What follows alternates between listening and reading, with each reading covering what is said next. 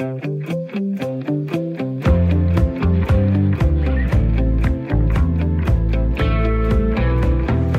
er blevet lørdag eftermiddag, og vanen tro er det tid til en omgang Spørg Lægen her på Radio 4. Skoleferien den er forbi, og de fleste er nok tilbage i den vante dagligdag efter sommerferien. Dermed er der også tradition for, at det kulturelle liv blomstrer i de større byer. Her i øh, København, hvor vi optager i dag, der går vi ind i en uge med Copenhagen Pride, som næste weekend kulminerer med en kæmpe gadefest i alle regnbuens farver. Og programmet i dag skal netop handle om noget af det, der er i fokus i løbet af den her festival, og noget, som er meget op i tiden, nemlig køn og seksualitet, og hvad der sker, når vi mennesker ikke føler os hjemme i det køn, vi er født med. Jeg får som altid gæster i studiet, og vi skal tale om kønsidentitet og transkønnethed. Senere får jeg en gæst med på telefonen. Det er virologen, som hele Danmark lærte at kende under corona, nemlig Allan Randrup Thomsen. Han frygter, at øh, abekopper de kan have rigtig gunstige vilkår til at sprede sig under den førnævnte Pride, og det skal vi høre meget mere om. Sidst men ikke mindst skal vi samle op på nogle af sommerens lytterspørgsmål, og du kan stadig nå at være med. Har du oplevet noget i kroppen i løbet af din ferie, eller har din kollega fortalt om en ny sygdom? Ja, så kan du bare skynde dig til tasterne og sende mig en mail på sl 4dk eller du kan ringe og indtale til spørgsmål på vores telefonsvarer. Det er som altid 72 20 0400. Intet er for stort eller for småt. Du kan spørge om alt, der tangerer sundhed eller sygdom. Mit navn det er Heidi Hedegaard, og jeg er din radiovært og din læge her den næste times tid. Velkommen til Spørg Lægen. Det skal handle om kønsidentitet i dag. Og det er egentlig ikke noget, der fylder vildt meget i min dagligdag i lægehuset. Og på den anden side, så kan jeg heller ikke huske noget tidspunkt, hvor jeg ikke har haft mindst én transkønnet øh, patient i huset. Øhm, jeg har gennem mit lægeliv haft sådan cirka en god håndfuld forløb med mennesker, der har haft det svært med deres kønsidentitet. Øh, men det har typisk været nogle ret lange forløb, og efterfølgende er patienterne jo blevet i lægehuset, øh, så der har nok altid været et par stykker tilknyttet min praksis. Det menneske, der har gjort allermest indtryk på mig, øh, når det gælder kønsidentitet. Øh, det er efterhånden rigtig mange år siden. Det var en midalderne mand, som inderligt ønskede at være en kvinde. Han eller hun klædte sig som en kvinde, havde fået langt hår og gik i dametøj, og havde også givet sig selv et kvindenavn, som hun brugte. Han eller hun havde så voldsomt et ubehag over at være en mand, hvilket det jo ikke er til at undgå at bemærke, når man tager tøjet af. Øhm, og hun blev indlagt efter et meget seriøst forsøg på at skære sin egen penis af med en køkkenkniv. Jeg husker, at jeg synes, det var øh, fuldstændig forfærdeligt. Øh, det lykkedes ikke at gennemføre det, men øh, min patient her var jo i kæmpe store smerter, og det hele blødte helt vildt, og vi havde stoppet sådan et par hospitalsnetunderbukser til med gase for at stanse blødningen jeg var virkelig overrasket over modet til at gøre det. Jeg tænker, når man står med kniven og skal til at skære sig selv, det må være et forfærdeligt øjeblik. Men det, der gjorde mest indtryk, det var, at det her menneske var så ulykkelig. Det var simpelthen ikke til at leve med øh, at være i sin medfødte krop, og det drev hende ud på et plan, hvor hun faktisk blev sindssyg. Det er mange år siden, og på det tidspunkt var der slet ikke de muligheder, der er i dag for at få hjælp. Øh, der var også en meget voldsom og grov stigmatisering af den her type problemstilling. Øh, faktisk så var forstyrrelser med kønsidentiteten klassificeret som en psykiatrisk lidelse, og min patient var også indlagt på psykiatrisk afdeling rigtig mange gange.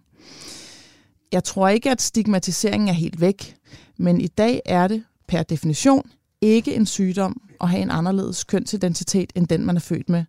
Det er simpelthen taget ud af vores diagnosekodesystem som værende en sygdom. Øh, og i dag der kan jeg som egen læge henvise mine patienter til et godt sundhedsfagligt tilbud, der tager hånd om deres udfordringer på en meget seriøs og gavnlig måde. Hvad det gør ved et menneske at have en anderledes kønsidentitet end den vedkommende er født med, og hvad vi kan tilbyde af behandling her i Danmark, det vil jeg tale med mine to første gæster om. Så bliv hængende og bliv klogere. Det skal som sagt handle om kønsidentitet i dag, og dagens første gæster sidder her i studiet foran mig. Det er dig, Pia. Velkommen til studiet. Tak. Du er øh, kvinde, eller det vi kalder transkvinde. Og så har jeg også en læge, gynekolog og overlæge ved Center for Kønsidentitet. Det er dig, Malene Hilden. Ja. Godt. I må gerne øh, afbryde hinanden og, og snakke sammen, men, men ellers så, så starter jeg med, med dig, Pia. Øhm, for du blev jo født sådan rent biologisk som en dreng, og du har levet størstedelen af dit liv som mand. Men i 2019, altså for cirka tre år siden, der fik du foretaget en kønsskifteoperation, således at du i dag ikke har mandlige kønsorganer, men kvindelige. Og så tager du dig jo i øvrigt ud som en, en kvinde, som du sidder her foran mig. Så forestiller mig den proces, Pia, der må have været en milliard mellemregninger øh, for at komme dertil, hvor du er i dag. Så jeg kunne godt tænke mig at starte helt fra begyndelsen. Hvornår mærkede du for første gang, at ja, du følte, følte dig anderledes end, end den dreng, du var født som? Jamen, det har jeg gjort meget tidlig alder. Altså, jeg tror, jeg har været tre år, eller fire år, eller, mm. eller noget i den retning, ikke? Øhm, og en af de t- øh, gange, hvor jeg sådan oplevede, eller det, det gjorde jeg jo flere gange, men det var med, med hensyn til, at min, min søster havde en lyserød badekåb med nogle knapper i, og den, øh, den, den kunne jeg sådan godt låne en gang imellem, og så snige mig ud på toilettet og sætte den på. Og når jeg sad den på, så følte jeg bare, at jeg ligesom kunne, kunne flyve, eller sådan, jeg blev, jeg blev så let og sådan nogle ting, men så var det ligesom om, at så kom den virkelige verden. Og så faldt jeg jo ned på badeværelsesgulvet igen, kan man sige, og, og øhm, fordi det gik, jeg vidste jo godt, det var forkert. Men gjorde du det allerede? Altså, du ved, det, det, jeg har også en dreng, han kan da godt synes, det er sjovt at tage sin lille søsters kjole, og jeg tænker, så leger de med det, men hvad var det, der gjorde, at det var forkert? Jamen, det var, fordi jeg, jeg vidste jo, jeg var en dreng, og jeg havde fået at vide, at jeg var en dreng. Så, så det, og så havde jeg jo en tissemand. Så et eller andet sted var det ligesom forbudt.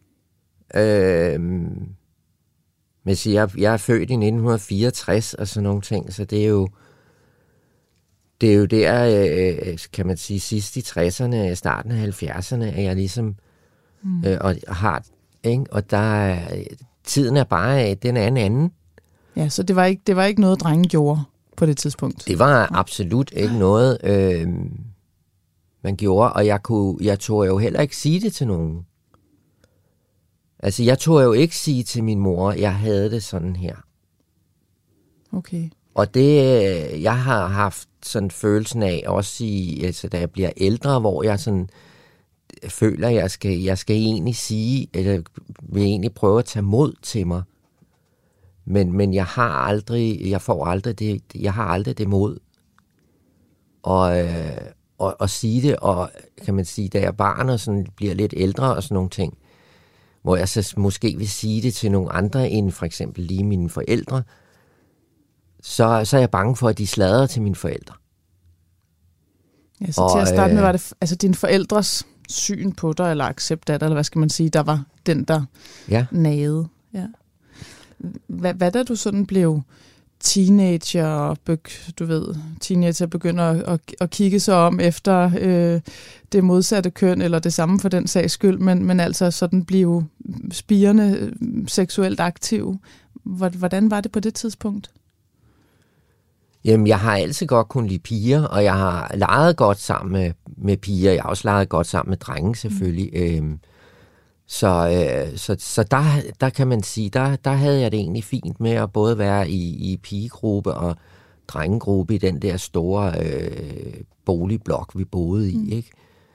Øh, øh, men jeg var jo selvfølgelig stadigvæk mest med, med, med drengene. Ikke?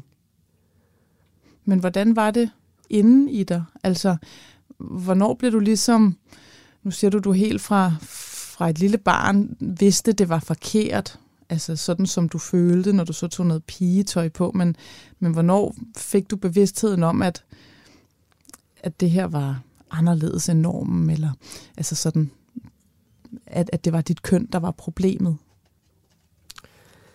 Øh, jeg tror, jeg har været, hvad har jeg været, 18 eller sådan noget lignende. Jeg var til lægen en gang. Og så spurgte jeg ham, der tog jeg mod til mig, og så spurgte jeg ham om, jeg har den her følelse af, at jeg godt kan lide at gå i kvindetøj og sådan. Og, og, og hvad der var, altså hvad, hvad, kan jeg gøre noget ved det, og sådan nogle ting, og så, øh, eller hvorfor det? Og så sagde han, der er ikke nogen, der er ikke nogen, der har svar på, hvorfor. Så, så, så lå jeg den egentlig ligesom bare ligge der, og så, så levede jeg videre, altså, øh, som mand. Men der, der var ikke nogen, jeg sådan set kunne, kunne henvende mig til. Og der var heller ikke nogen, altså, jeg ved ikke, om der har været nogle grupper eller noget, men, men, men det var, øh, så, så jeg var bare, altså, i mit eget, kan man mm. så sige, ikke?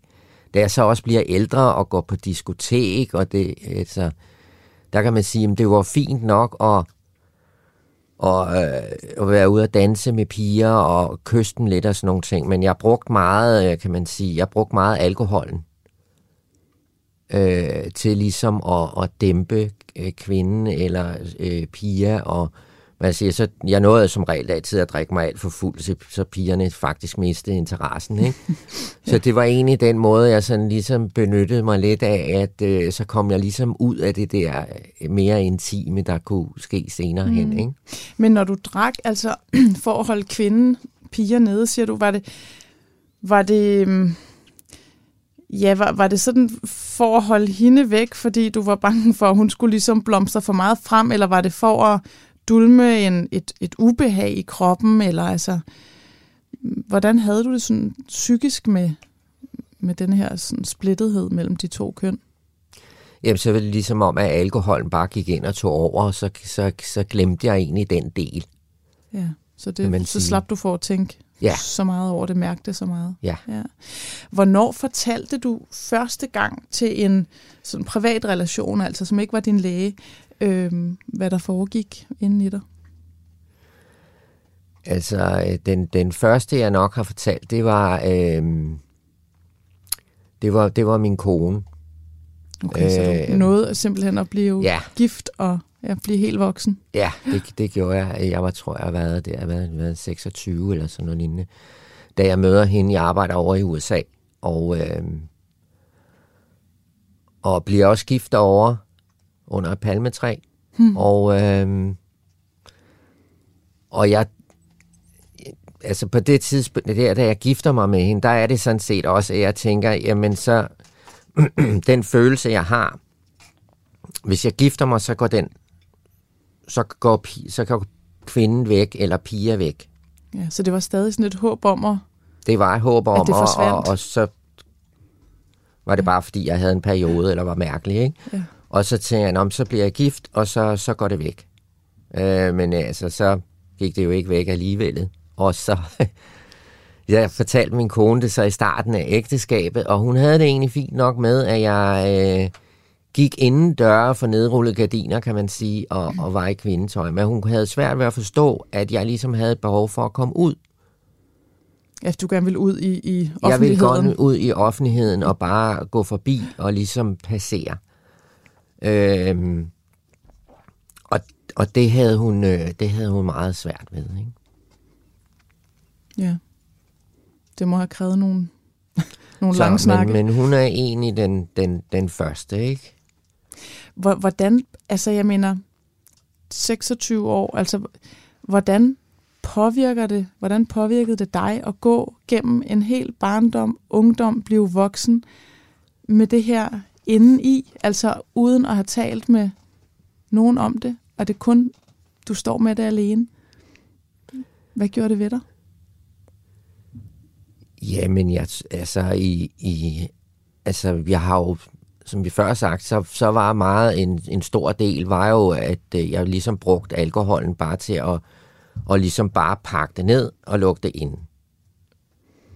Hvornår, og, og, hvornår og begyndte så, du at få et, altså fik du, havde du et dagligt forbrug der, eller med alkohol? Altså var det så stort? Øh, ja, man kan sige, at jeg kommer i lære som kok, da jeg er de der omkring 17 år og sådan nogle ting. Og på det tidspunkt der, det er jo starten af 80'erne, der, der er det jo almindeligt, man drikker på arbejde. Altså vi havde jo også en ølkasse, personaleølkasse og sådan nogle ting, ikke? Mm. Så, så det var jo mange gange der, altså da jeg så var ældste elev og sådan nogle ting, kørte alene sammen med en anden elev, så skulle vi jo skynde os med at blive færdige, og så kunne vi komme ned kl. 10 og få vores formiddagsbajer. Og så gik vi på værtshus. Øh, efter arbejde, det var næsten altid fast. Blandt andet herovre på Højbro Plads, Christian Firtal hed den mm. dengang. Det var fast. Og, øh, og, og, og det var bare sådan, ikke? og når jeg havde fri, en fri weekend, jamen så, så var jeg i byen med vennerne, så der var også alkohol. Ja. Og så blev piger holdt nede med det. Ja. Mm. Hvis vi nu spoler frem til, altså du fortalte din kone om det, hun accepterede det, forstår jeg, men var måske lidt uforstående over for det. Du kunne gå i, i, i dametøj derhjemme. Øh, I fik nogle børn. Ja, mm. og det var også sådan set der, hvor det sådan... Øh, fordi jeg tænkte, jamen så vi, vi, vi fik vores søn, og, øh, og det er jo det her med, at det, det er en april morgen, og jeg skal op og hente morgenbrød, og jeg tænker på, det, og det var dejligt vejr, og, og jeg tænkte på, nu er jeg blevet en far, og der er jo ikke noget mere maskulint i hele mm. verden, end at blive far. Og så måtte det jo gå væk, det her. Så igen, øh, en, at det kunne være en, en måde at få det til at forsvinde fordi på. Fordi så ja. tænkte jeg ligesom med ægtes, at jeg blev gift, så ville det gå væk. Så tænkte jeg, om hvis man så får børn, så går det da i hvert fald væk. Men øh, det gjorde det ikke. Det gjorde det ikke, nej. Og, og så var jeg jo ligesom i, i sådan et dilemma, fordi jeg, jeg, jeg havde det jo dårligt med, at jeg var blevet gift, og jeg havde fået børn, fordi øh, jeg var jo egentlig et lidt en, en, en, en anden, eller hvad man skal sige. Altså, øh, så jeg, jeg blev egentlig ked af det. Jeg burde egentlig være glad, og det var jeg selvfølgelig også, men, men jeg var også inde i, hvor jeg sådan set ked af, at, at det var også ligesom om, at så kom jeg også længere væk fra piger et eller andet mm. sted. Så der, der starter det allerede den der sorg, eller hvad man skal sige, mm. øh, rigtig meget. Ikke? Hvor, hvor lang tid gik der så fra Altså, du gik i det her småbørnstrumrum, og ja, var, var ked af det, og, og, og dårlig samvittighed. Ikke? Hvor, hvor lang tid gik der til, vi spoler hele vejen frem til, at du begyndte at gøre noget rigtigt ved det? Altså fremkalde piger, faktisk. Altså, øh, det er sådan i mit ægteskab, der er vi så øh, langt hen ad vejen i, i ægteskabet, og øh, vi har også fået en datter. Og øh, der får vi sådan snakket lidt om det, og min, min kone siger så til mig, det er, at jeg skal tage og tage på seksologisk klinik, og ligesom få, få, få afklaret nogle ting. Og, sådan. Mm. og det, det gør jeg også. Øhm, og der sidder jeg og snakker med, med, med dem derovre, og, og, og der nedtoner jeg det bare. Altså, det er bare sådan noget med, ja, men en gang imellem, så, så kan jeg godt lide at gå i dametøj og sådan bla bla bla. Ikke? Og så tænker jeg på, okay, jeg skulle bare ud derfra, og så skulle jeg hen i kiosken og have nogle øl. Det var egentlig det, det drejede sig om. Og så kunne jeg komme hjem til hende, og så kunne jeg sige, ja, der var egentlig ikke noget. Mm. Øh, og så kan man så sige, jamen efter det, så... Øh, så det er ved at være slutningen af vores ægteskab, og det, det, det begynder bare at sejle mere og mere. Altså, jeg drikker mere og mere voldsomt, og, og jeg går stadigvæk på arbejdet, og det bliver bare sådan øh, en stor trummerum. Så der i 2009, der, der bliver vi altså skilt. Okay.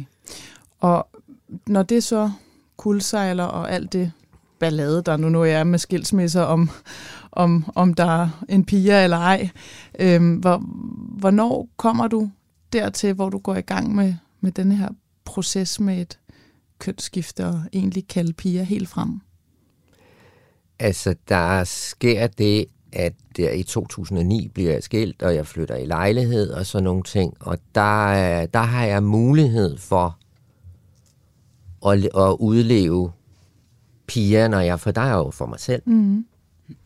Øh, og det, det begynder jeg så på, altså at købe ryg og, og øh, proteser og brystproteser, og, og, og så gå ud og prøve at, og, og passere der.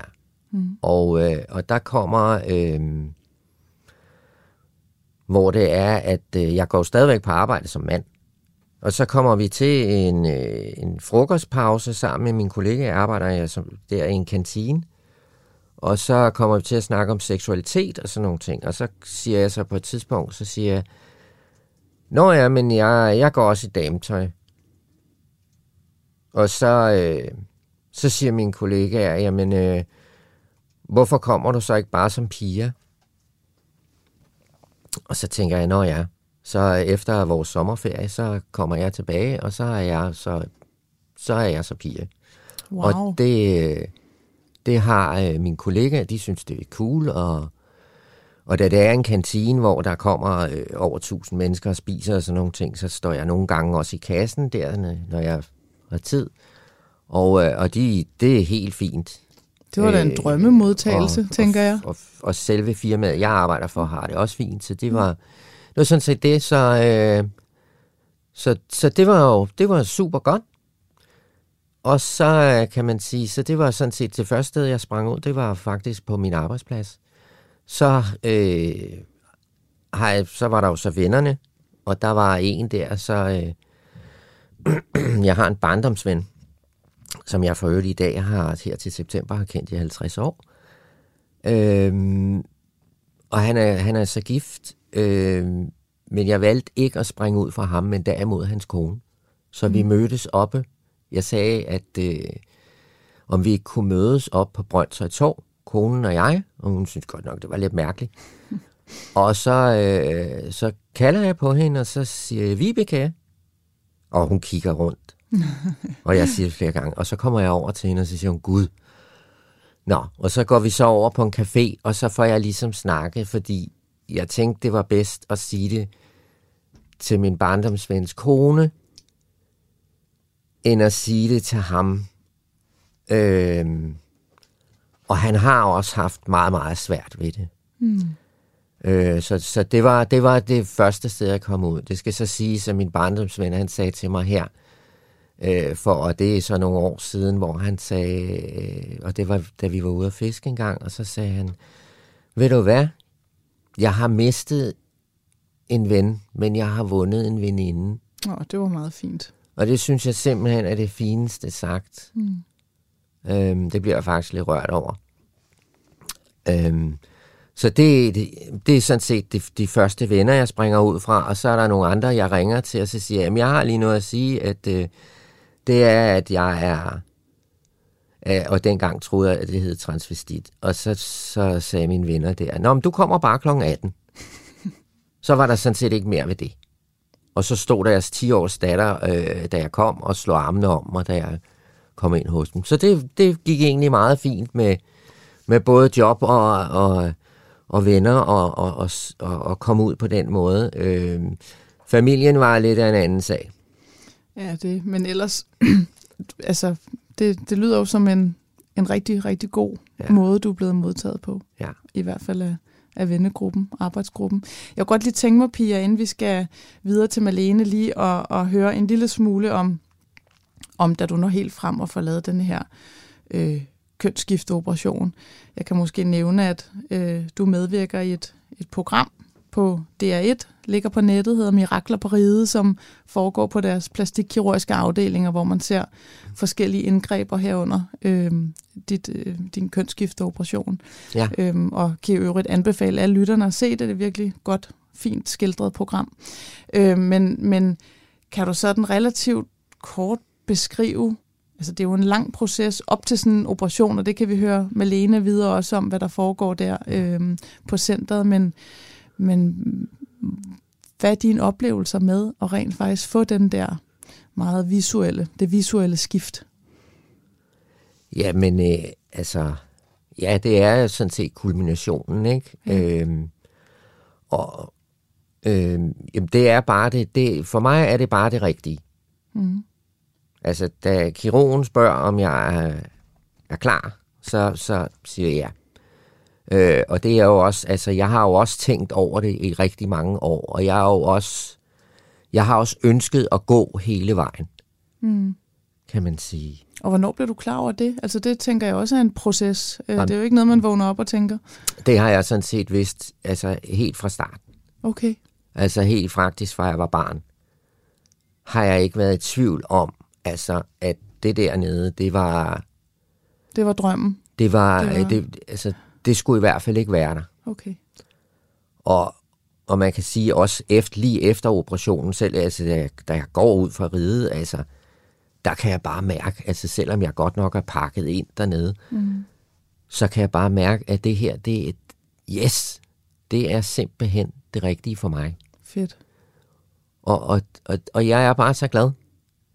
Altså også det, at jeg kan stå foran øh, mit spejl. Mm. Jeg har sådan et øh, skabsspejl øh, fra gulv til loft. Og så stå der, og så bare se mig selv, og så tænke, yes, Yes, jeg er en det kvinde. her. Nu har jeg så også fået min brystoperation i, i Aalborg.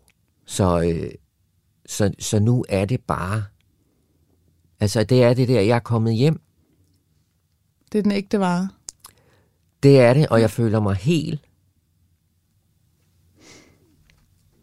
Så du har det godt i dag. Bedre? Bedre, Jeg- end du har haft?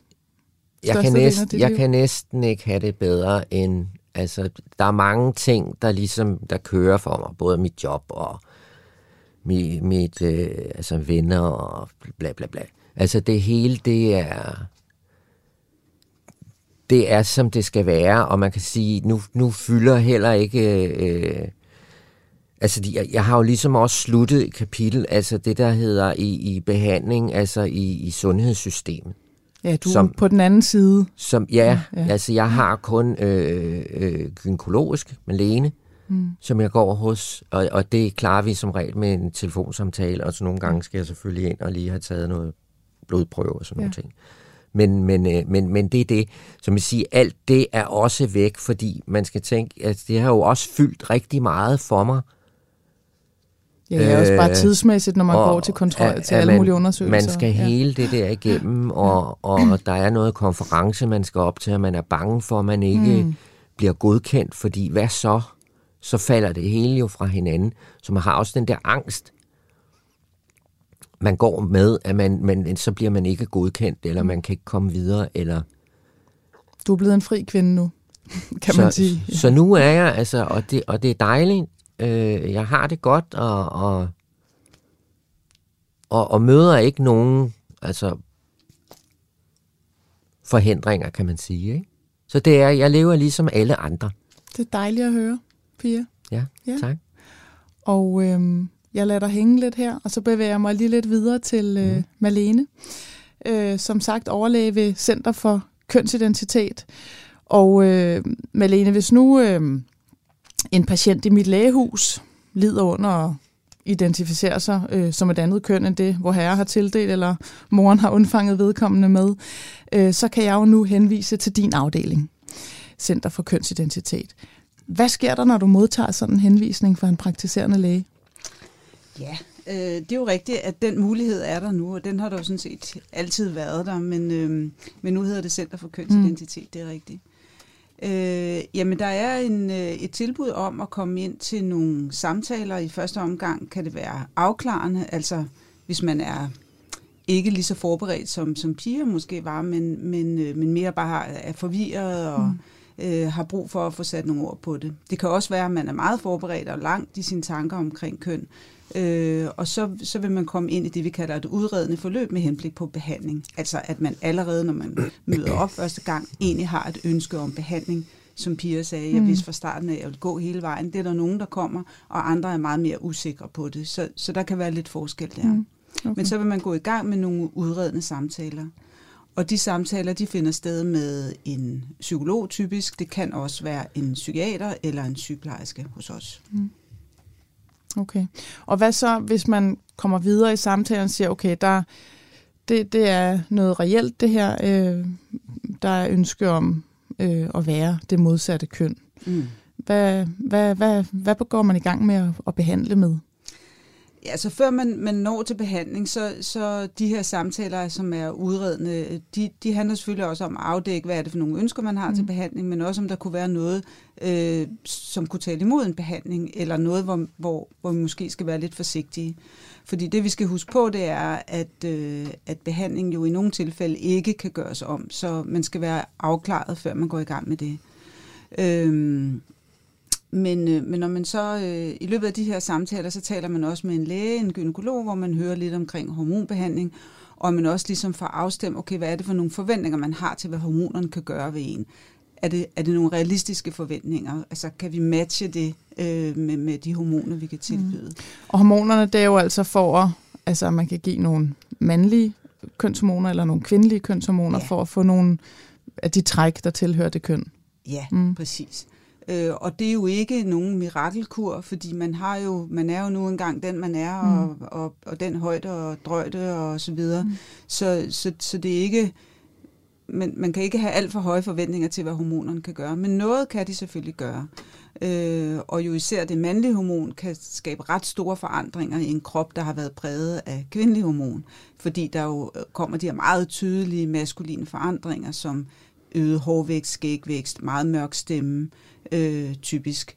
Hvorimod de kvindelige hormoner, der kan det være lidt sværere at dæmpe noget af de maskuline træk. Men, men, men det vil man få information om også, altså mere præcis, hvad indebærer det at være i hormonbehandling? Hvad er det for nogle kontroller? Hvad er det for nogle øh, bivirkninger, der kan være til medicinen? Og så skal den være livslang? Altså, den og så virker... taler vi jo ja. livslang behandling som udgangspunkt ja. i hvert fald. Øh, og, øh, og når man så har øh, fået den her orientering og været til de her samtaler, så kommer den her konference, som Pia også nævnte før, hvor, hvor vi så ligesom fremlægger sagen, drøfter den og tager en beslutning om, vi kan tilbyde behandling. Mm. Og det vil sige, at det vi tager stilling til, det er hormonbehandling. Øh, og, og også fordi jeg tænker, det er også vigtigt, at, når vi taler i dag om øh, at komme ind til en kønsskifte, et kønsskifte, så, så tænker mange per automatik, at det handler om at lave kirurgi på kønsorganer. Mm. Og der synes jeg, det er vigtigt at slå fast, at i første omgang er der tale om en medicinsk behandling, og ikke kirurgi. Dog vil langt de fleste, som er, har et kvindeligt fødselskøn, øh, blive tilbudt at få fjernet brysterne, øh, når man starter mm. hormonbehandling op. Men ellers er det som udgangspunkt uden kirurgi.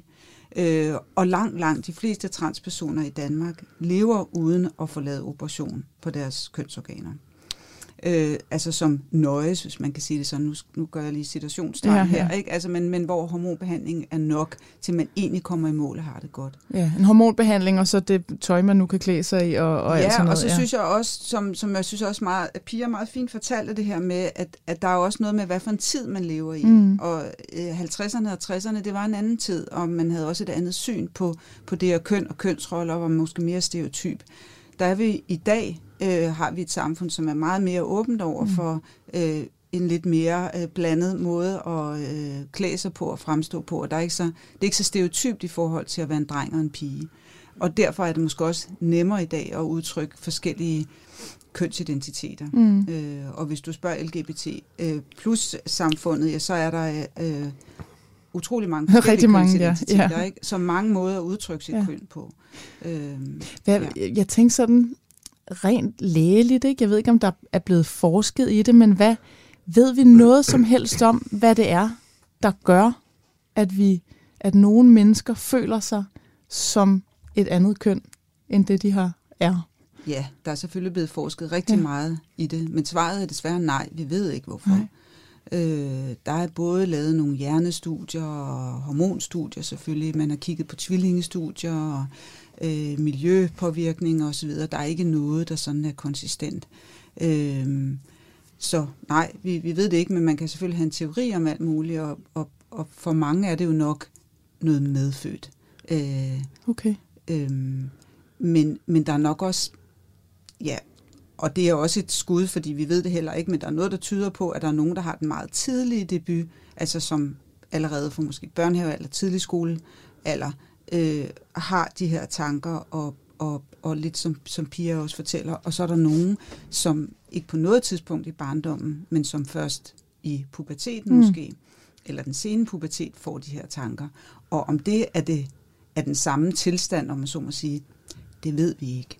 Øhm, Øh, vi ved jo, at børn eksperimenterer med deres kønsudtryk, og som du også siger, du har, du har nogle børn, og jeg har også en dreng, der både vil have hul i øret og har neglelak og vil være prinsesse mm. til faste lavn, og det er jo helt normalt at eksperimentere med det her. Mm. Men for nogen fylder det meget mere, øh, og, og, og måske fordi, at det er også lidt ligesom Pia fortæller, noget, som fylder særligt hos dem, så udløser det en form for skam.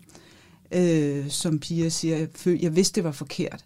Altså, hvor, hvor en dreng, som ikke har de der tanker, men som bare synes, det er sjovt at tage en prinsessekjole på, tænker, har måske ikke den skam. Nej, hvor de dykker det. ned i det sådan momentvis, og, ja, og for altså, den, der føler det inde i, der, der vil det jo være alt overskyggende, tænker jeg. Præcis, der, ja, der har, ja. får det en anden betydning, ja. og derfor har det også en større impact på en eller anden måde. Ikke? Ja.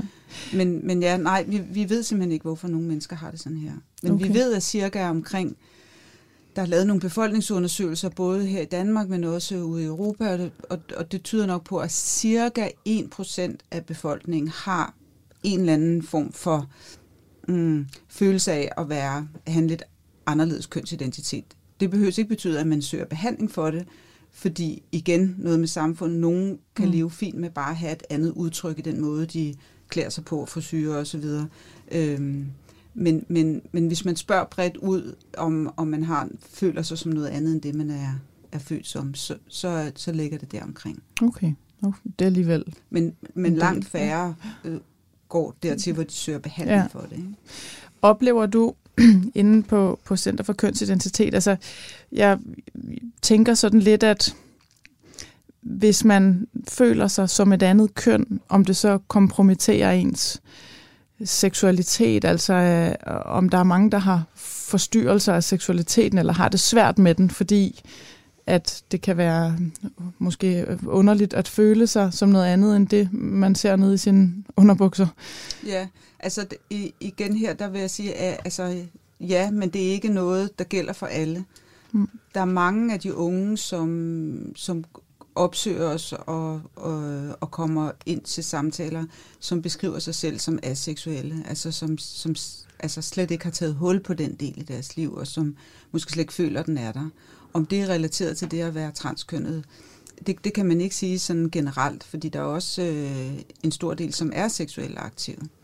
Øh, og, og det, men det er klart selvfølgelig, at påvirker det, fordi Øh, Øh, hvis du for eksempel i en relativt ung alder øh, udtrykker dig, lad os sige, du har et kvindeligt fødselskøn, og, øh, og er, har en maskulin fremtoning, eventuelt er i behandling, øh, jamen så, så er det klart, så, så er der nogle forklaringer, der, der, der skal til, før man når til det seksuelle, og det kan jo godt lægge en ekstra hæmning ind, som gør det rigtig vanskeligt. Ikke? Mm.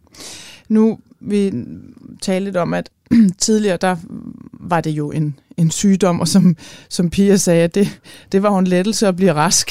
Altså, at, at, at nu er det ikke længere en, en, en sygdom at være transkønnet. Det er en, en tilstand som så mange andre ting. Altså, øhm, men har man oplevet, i og med, at der ikke er den der samme sygeliggørelse, og man ikke nødvendigvis skal indlægges på psykiatrisk afdeling, altså har transkønnede personer fået det bedre, fordi de ikke bliver så sygeliggjort, eller har du nogen fornemmelse af det? Det, det tror jeg ikke rigtigt, vi ved helt endnu. Okay. Altså, det er jo relativt altså, det er jo nyt. rigtigt nok, at, at, og det gælder jo sådan set for al øh, øh, psykiatrisk sygdomme, alle psykiatriske diagnoser, at der er en vis grad af stigmatisering. Mm. Øh, og, og, og personer, som får en diagnose på sig, føler det som ubehageligt, eller nogen gør i hvert fald. Mm. Øh, og, og det var jo også meget det, der var baggrunden for, at man ligesom sagde, nu skal vi rykke det ud som en psykiatrisk diagnose. Og, og det, giver, altså, det giver jo også mening at sige, fordi øh, altså, det er ikke en psykisk sygdom som sådan, det, men det er jo en tilstand, som kræver en eller anden form for behandling. Men er det en somatisk sygdom? Det synes vi heller ikke rigtigt, og derfor er det jo det endt som det, man kalder en, en kontaktårsag. Altså det vil sige, det er en tilstand, som ikke er en sygdom, men som alligevel kræver eller kan kræve sundhedsfaglige ja. ydelser. Og, og derfor skal det jo have en diagnose et eller andet sted. Vil du sige noget, Pia? Du sidder stille. Jamen, det vil jeg egentlig gerne, ja. fordi nu øh, kan man sige, i 2017 der, der, øh, der fjerner de jo så det, det så man den psykiske ja. diagnose ja. der. Og, og, og der lagde jeg jo også ud på Facebook, at øh, nu, nu havde jeg jo fået det meget bedre. og det er jo egentlig ja. sindssygt. Ja. Og, det, og det jeg egentlig gerne vil sige, det er, at da jeg bliver skilt i 2009, så er, og vi har børn, så er der noget, der hedder statsforvaltningen, jeg ved ikke, om det hedder stadigvæk, men, øh, men øh, der sad vi jo der og skulle snakke, og, og jeg kommer jo som, som piger, mm. øhm, og der er det bare, at for eksempel, øh, når jeg har min datter på besøg, så må hun ikke sove i samme seng som mig. Altså det besluttede statsforvaltningen? Det besluttede statsforvaltningen. Det vil sige, altså jeg følte virkelig, at jeg blev behandlet som pædofil. Ja, det kan jeg godt forstå. Det er jo egentlig mærkeligt, for da jeg er gift, så kan jeg jo godt gå ned og putte min datter og ligge i samme seng som hende. Men, men, men nu, nu kunne jeg så ikke. Nej. Så, så det blev. Og der var et tidspunkt, hvor min datter kaldte på mig inden fra værelset og sagde, øh, far, øh, må jeg godt komme ind til dig? Og så sagde hun, nå nej. Og, og, og det, det måtte hun ikke. Det må man jo sige Altså, er og jeg blev også jeg blev pålagt af statsforvaltningen, at jeg måtte ikke se min datter i kvindetøj. Okay. Og der var udtalelser fra hendes nye skole, øh, om at jeg ikke måtte møde op i, i skolen i, i kvindetøj, og, og sådan, der var he, hele det der regelsæt, ikke? Og der mm. kan man sige, altså, jeg blev virkelig skidt behandlet. Altså, det, det kan man næsten ikke forestille sig ville finde sted i, dag, vel? Så ville der gå en helt modsat bevægelse i gang. Ja. altså, Det, det tror jeg. Så, Ja, så der, ja. ja, så De der, 10 år der. så der Ja. er bare, der er Sket bare sket, der er bare Ja. sket rigtig, rigtig meget. Ikke? Der var også noget børne- og ungdomsrådgivning, der havde skrevet også om mig. Og det, der var mærkeligt, det var, at jeg har jo aldrig mødt de mennesker, der har udtalt sig om mig. Og det, det var bare sådan. Men, men jeg blev jo bare betragtet som psykisk syg af statsforvaltningen. Jeg var i øh, alkoholbehandling, havde antabus, fordi det var krav om, at for at jeg kunne se min datter. Og, og, og det, det havde jeg det egentlig fint nok med. Jeg havde en bisæder med fra alkoholambulatoriet. Men alligevel, så bliver man jo alligevel betragtet som det, de sidder og kigger på, det er psykisk syg, fordi jeg går i dametøj. Mm. Øh, har- jeg er jo i alkoholbehandling, så er jeg alkoholiker. Mm. Så, øh,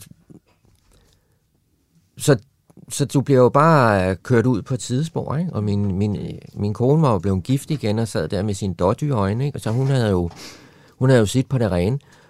Og det var, det var bare sådan der, ikke? ja, det, Og så kan man så sige, det der så, så også sker, vil jeg så sige, det er jo så i, i det omkring øh, 2013, der bliver min datter så gammel, så hun selv kan bestemme. Og så ender det jo med, at jeg ikke ser min datter mere, ikke? Og så går det altså to- totalt det rut for mig, ikke? Ja. Men øh, Så man kan sige, Pia, du har virkelig været oplevet bølgegang, altså ja, været ret langt nede, oplevet nogle ganske ubehagelige ting, haft en, Ja, en for rigtig, jeg- rigtig svær tid, og nu øh, har du rejst dig, øh, ja. er kommet igennem en helt vild forvandling, og, øh, og Jeg- sidder her i dag Ja, og er- stråler, vil jeg sige. ja tak. Du ser glad ud. Det er jeg også. Ja. Jeg har også, øh, altså, kan man sige, også med, at jeg har... Jeg endte jo med, at der, da jeg så ikke kunne se min datter mere, så drak jeg jo bare totalt meget, og, så, øh, og det var jo så omkring de der 100 genstande om dagen. Det var helt vanvittigt. Øhm, og blev indlagt på, på, øh, på Bispebjerg Psykiatrisk, ikke? og fik hjælp derfra. Mm. Og kom videre derfra, kan man sige, på Sydgården til i døgnbehandling. Var i der, øh, der var jeg halvt år, og havde ni måneders øh, dagbehandling i, i København, som jeg er virkelig, virkelig taknemmelig for, at, øh, at jeg har fået så meget hjælp og komme tilbage i jobpraktik og så videre. Så på den måde komme tilbage til, til, til livet, ikke? Og kan så sidde her i dag og bare have det super godt, ikke? Det er godt at se. Jeg vil så også lige sige en ting, at da jeg startede op mit, øh, mit, mit forløb øh, på seksologisk, der, hed, der gik man på seksologisk klinik. Mm. Øh, det var også sådan lidt... Øh, altså, man skulle jo sidde og skrive, om man havde øh, sat ild til, sit- til hus som 13-årig, og om man havde skåret i dyr, og jeg ved ikke hvad. Altså, det, der er jo også sket mange ting fra, fra jeg startede på seksologisk klinik, og, og, så, og så til der, hvor vi er i dag. Ikke? Det må man sige. Så altså det eneste, og det der egentlig har været mit, at der har været meget, meget svært i mit forløb, det har også været, det er den lange tid, det er. Det er næsten ikke til at overskue, fra man starter, og så egentlig til man for mit vedkommende når målet og får min, min operation. Ej, Ikke? det er det, jeg tænker, det er et meget, meget langt forløb at indgå i det her behandlingsforløb og komme ud på den anden side, Mm. Og så at det, sige. ja. det, det fylder rigtig Men- meget psykisk. Det kan jeg godt forstå. Men øh, se bare, hvor godt det er gået. Ja. ja. Pia, kvinde, transkvinde, forvandlet her, øh, og Marlene Hilden, øh, overlæge på Center for Kønsidentitet. Tak fordi I begge to vil komme. Fortæl din historie, Pia. Bidrag med lidt fagligt, øh, Marlene. Øh, tak for det begge to. Ja, fra kønsidentitet flytter vi fokus til noget helt andet, men stadig ganske aktuelt i forhold til Copenhagen Pride-ugen, der som sagt indledes i dag. Vi skal tale om abekopper. Det har vi jo gjort flere gange før her i Spørg Lægen, men nu kommer der altså en helt aktuelt opfølgning. For det har vist sig, at de godt 100 tilfælde, der indtil nu har været af abekopper i Danmark, der har det været mænd, som er ramt, og primært er det mænd, der har sex med andre mænd. Og jeg har Allan Randrup Thomsen, professor i virussygdom ved Københavns Universitet, med på en telefon. Hej Allan. Hej. Allan, øh, tidligere på ugen, der har du i medierne udtrykt en vis bekymring for smittespredning af abekopper her under Priden. Kan du ikke fortælle øh, lytterne, hvad det egentlig bunder i? Jamen, det bunder sådan set også i, at, at øh, der er jo øh, en, en, en grundlæggende antagelse, at den oprindelige spredning i Europa øh, stammer fra, fra lignende begivenheder i blandt andet i Spanien. Øhm, så derfor er det naturligt at, at fortsætte med at øh, anlægge den synsvinkel her, når det gælder Copenhagen Pride. Og dertil kommer selvfølgelig også, at med den viden, vi har om, hvordan sygdommen smitter, jamen der er der øh, øget risiko øh, ved en, øh, en sådan begivenhed. Er det fordi, der er sådan en, en man må forvente en øget øh, seksuel kontakt, eller er det bare mange mennesker på samme sted?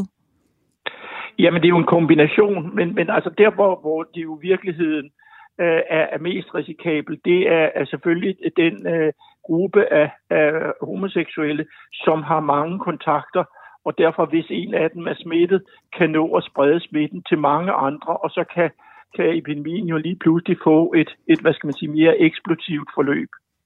Ja, men, men jeg tænker, at man, som jeg har forstået det i hvert fald, havde man hele tiden forventet sådan en ret sløv smittespredning, og det har den jo også været, ikke? Øh, fordi at, at den her abekoppevirus først smitter, når man egentlig har fået symptomer modsat så mange andre virussygdomme, vi kender fra corona, at man egentlig kan smitte, før man selv bliver opmærksom på, øh, at man er smittet?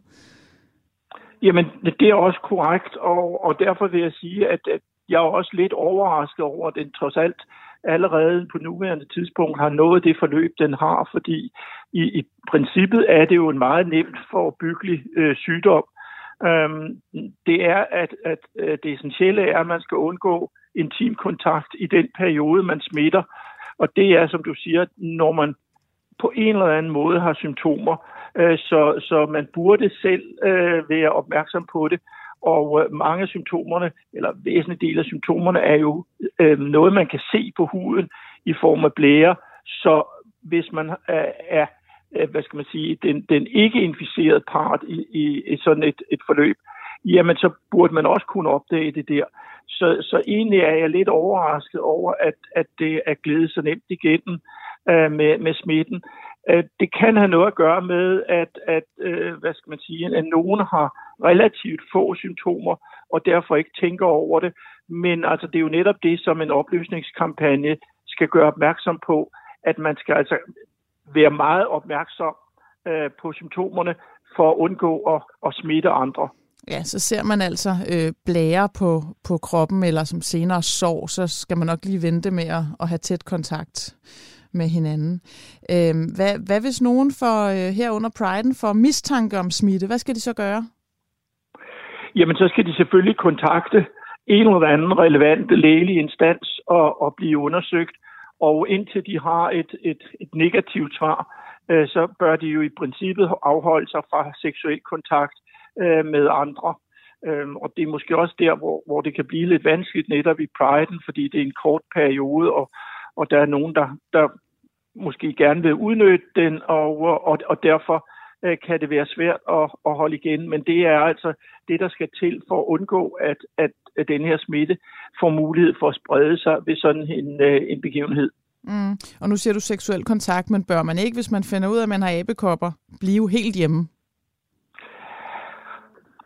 Jo, ideelt set, men altså det, det, er, en, det er smitte ved intim kontakt, så, så i princippet behøver man ikke at, at være buret inde, øh, i, i, fordi man har symptomer, medmindre man har det så dårligt, at man, man ikke kan gå ud.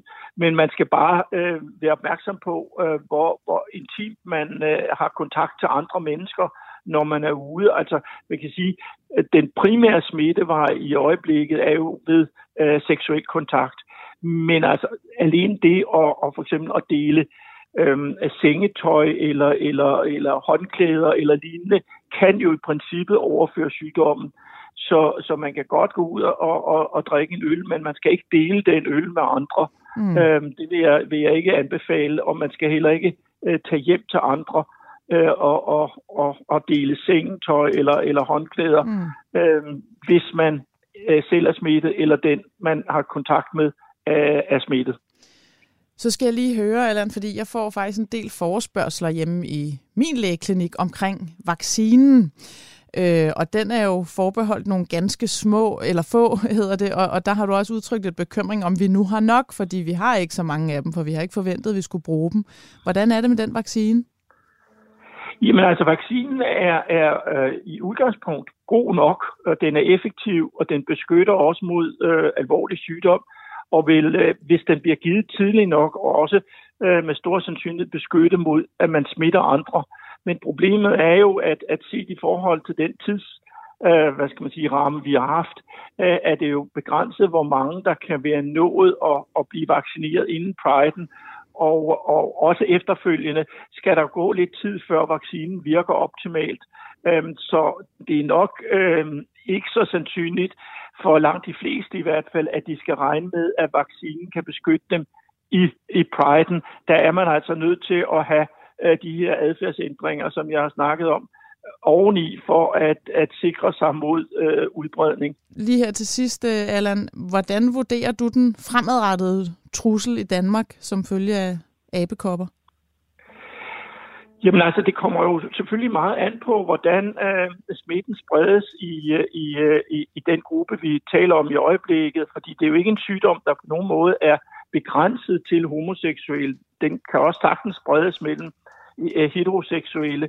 Og man kan sige, hvis vi kigger tilbage på, på, på HIV-epidemien, så startede den jo også i øh, Øh, gruppen af mænd, der har sex med mænd men så spredte den sig videre ud i samfundet, og det kan jo principielt set også ske øh, med abekopperne, hvis vi ikke passer på. Øh, omvendt er det en sygdom, som, øh, som jeg allerede har antydet, som, som øh, efter min bedste opfattelse nemt kan forebygges, fordi den ikke spreder på afstand, og man, man smitter først, når man har symptomer. Øhm, så en, en, en kortvarig periode, hvor man er, øh, hvad skal man sige, har nogle adfærdsændringer, øh, og så for, for en, en undergruppe i hvert fald øh, kombineret med vaccine, burde i princippet kunne slå den her epidemi ned. Øh, men det er selvfølgelig klart, at det afhænger jo også af, at folk øh, hvad skal man sige, følger den øh, vejledning, som bliver givet fra, fra blandt andet myndighederne, øh, og, og opfører sig, øh, hvad skal man sige, på, på, på ekstraordinært forsigtigt i en periode.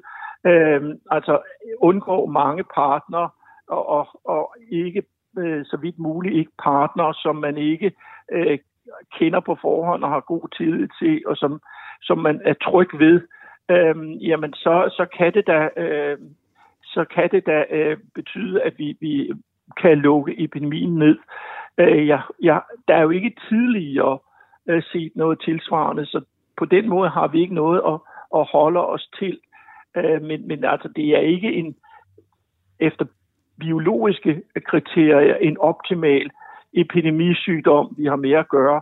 Øh, den har øh, faktisk alle de øh, kriterier, som gør, at man vil sige, den kan ikke rigtig slå an i Danmark, og det er jo også årsagen til, at man måske i begyndelsen i hvert fald øh, tonede noget ned, den trussel, der var med æbekopper. Ja, nu skulle vi jo have haft øh, lytterspørgsmål, men øh, det var godt nok spændende at høre Pias historie og, og høre Malenes vinkel på det også, så jeg kom til at gå lidt over tid, og jeg tror, vi gemmer de fine lytterspørgsmål til næste gang. Jeg håber, at du er blevet lidt klogere på, hvad kønsidentitet det er for en størrelse, og hvordan vi rent lægefagligt ser på transkønnethed her i Danmark. Jeg håber også, du vil lægge stigmatiseringen langt væk, hvis du skulle møde en transkønnet på din vej, for det er jo bare et helt almindeligt menneske. Jeg håber også, du er blevet up-to-date på abekopper og har lært, hvordan du bedst undgår at komme i kontakt med dem. Husk, at øh, du i næste udsendelse kan sende os dine spørgsmål om sundheds- eller sygdomsrelaterede emner, enten på mailen sl radio 4dk eller på vores telefonsvar 72 20 04 00. Mit navn det er Heidi Hedegaard. Jeg er din praktiserende læge og vært i dag. Oliver Breum var som altid redaktør. Og så lyttes vi ellers bare ved næste gang vi åbner for den radiofoniske klinik her hos Spørg Lægen. Det er allerede om en uge. Og rigtig god pride til dem, der skal ud og bære regnbueflaget.